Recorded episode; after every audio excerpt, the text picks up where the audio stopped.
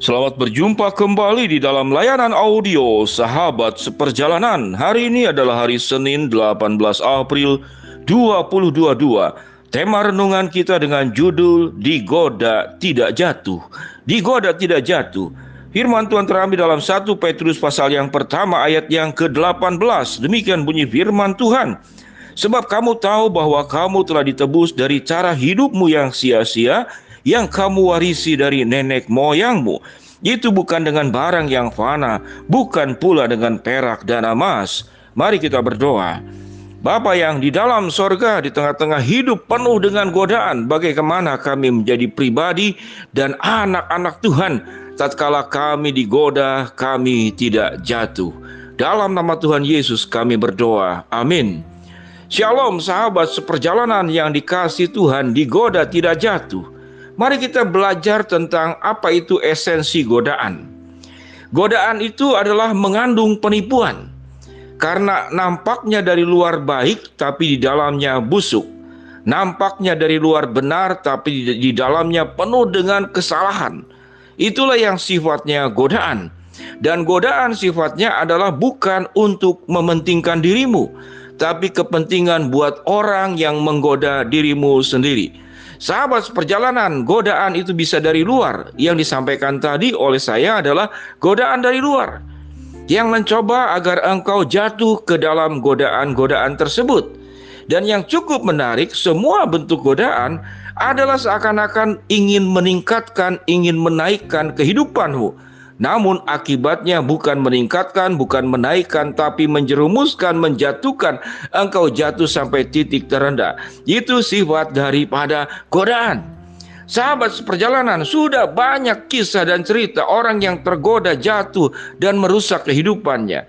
Namun yang menarik dari sekian banyak yang kita bisa cari, kita bisa lihat, kita bisa baca, kita bisa alami sendiri dari orang-orang terdekat keluarga kita, orang-orang bahkan sahabat-sahabat kita. Namun yang herannya, mengapa manusia mengulang dan jatuh kembali ke dalam godaan-godaan tersebut? Sahabat perjalanan yang dikasih Tuhan, karena jatuh dalam godaan rumah tangga hancur lebur. Karena jatuh dalam godaan pekerjaan kita menjadi hilang dan orang tidak percaya kepada kita. Karena jatuh dalam godaan masa depan kita menjadi suram tertutup tidak ada lagi pintu yang terbuka untuk dirimu. Karena jatuh dalam godaan yang terutama, engkau meninggalkan Tuhan dan engkau tidak hidup di dalam kebenaran bersama dengan Tuhan. Itulah sifat godaan. Sahabat perjalanan yang dikasih Tuhan. Pertanyaannya sekarang bagaimana kita bisa menghadapi godaan? Firman Tuhan yang kita baca tadi berkata demikian. Sebab kamu tahu bahwa kamu telah ditebus dengan cara hidupmu yang sia-sia, yang kamu warisi dari nenek moyangmu. Itu bukan dengan barang yang fana, bukan pula dengan perak dan emas. Tuhan sudah menebus kita agar kita menjadi pribadi yang kuat terhadap godaan. Dan kekuatan yang Tuhan berikan itu tidak hanya punya kemampuan melawan godaan itu 100%. Kalau boleh saya katakan beribu-ribu persen. Mengapa?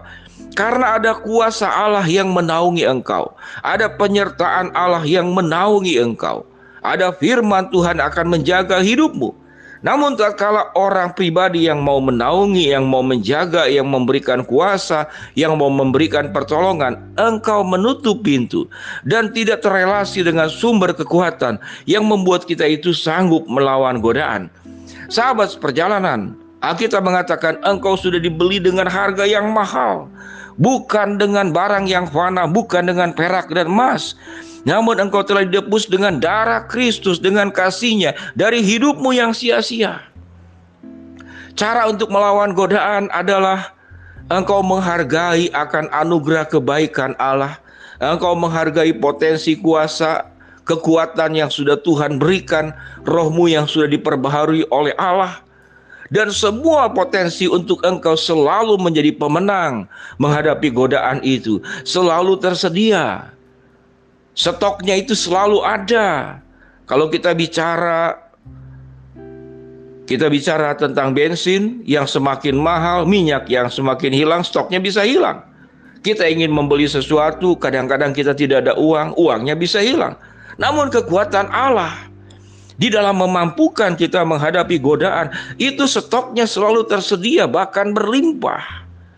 Maka yang pertama, engkau harus terhubung dengan Tuhan. Engkau harus punya waktu bersama dengan Tuhan.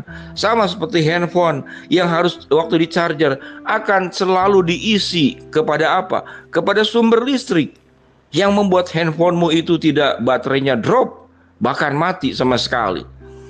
Tak kala engkau terhubung, maka sumber energi, sumber pertolongan, sumber kuasa, sumber tuntunan itu lengkap ada pada setiap diri kita masing-masing. Sahabat seperjalanan yang dikasih Tuhan, bagaimana kita tidak jatuh tatkala digoda? Maka jelas engkau harus selalu terhubung dengan Tuhan. Engkau harus belajar terus merenungkan kebenaran firman Allah, menghafalnya, mengingatnya, berdoa, agar firman-Nya selalu melekat dalam hidupmu dan hidupmu selalu ditopang oleh kuat kuasa dan pertolongan Tuhan. Namun kalau kita menolaknya, kita sudah tahu bahwa handphone kita sudah mau tinggal 2%, engkau biarkan tidak mungkin, pasti akan diisi. Tapi banyak orang percaya, bahkan handphonenya sudah tidak ada baterai, sudah mati pun, dia tetap hidup tenang-tenang saja.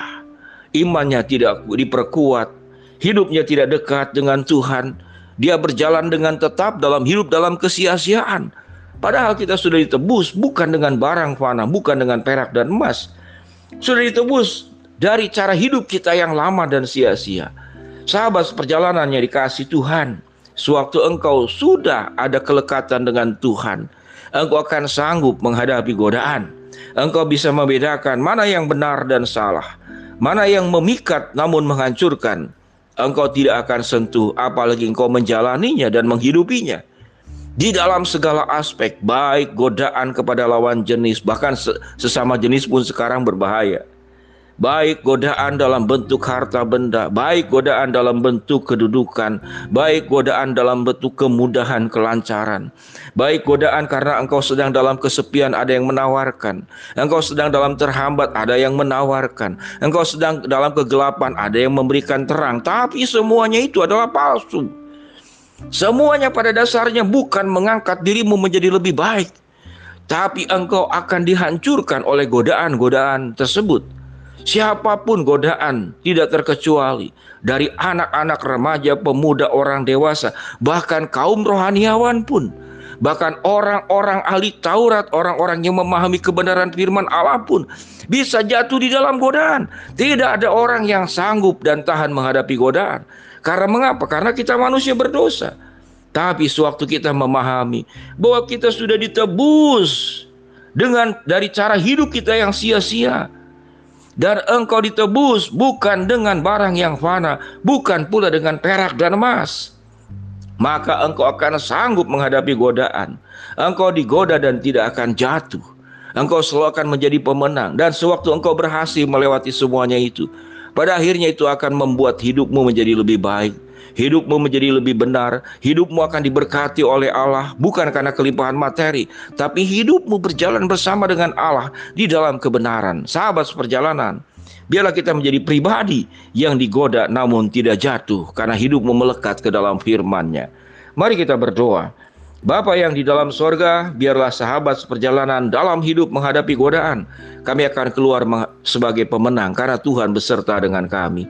Hamba pun berdoa buat sahabat seperjalanan yang sakit Tuhan jamah sembuhkan. Sahabat seperjalanan yang sedang menghadapi masalah Tuhan bukakan jalan. Sahabat seperjalanan yang sedang memohon berharap sesuatu. Tuhan akan kabulkan sesuai dengan waktu, rencana, dan kehendakmu. Dalam nama Tuhan Yesus kami berdoa. Amin. Shalom sahabat seperjalanan, jadilah pribadi, digoda tidak jatuh. Amin.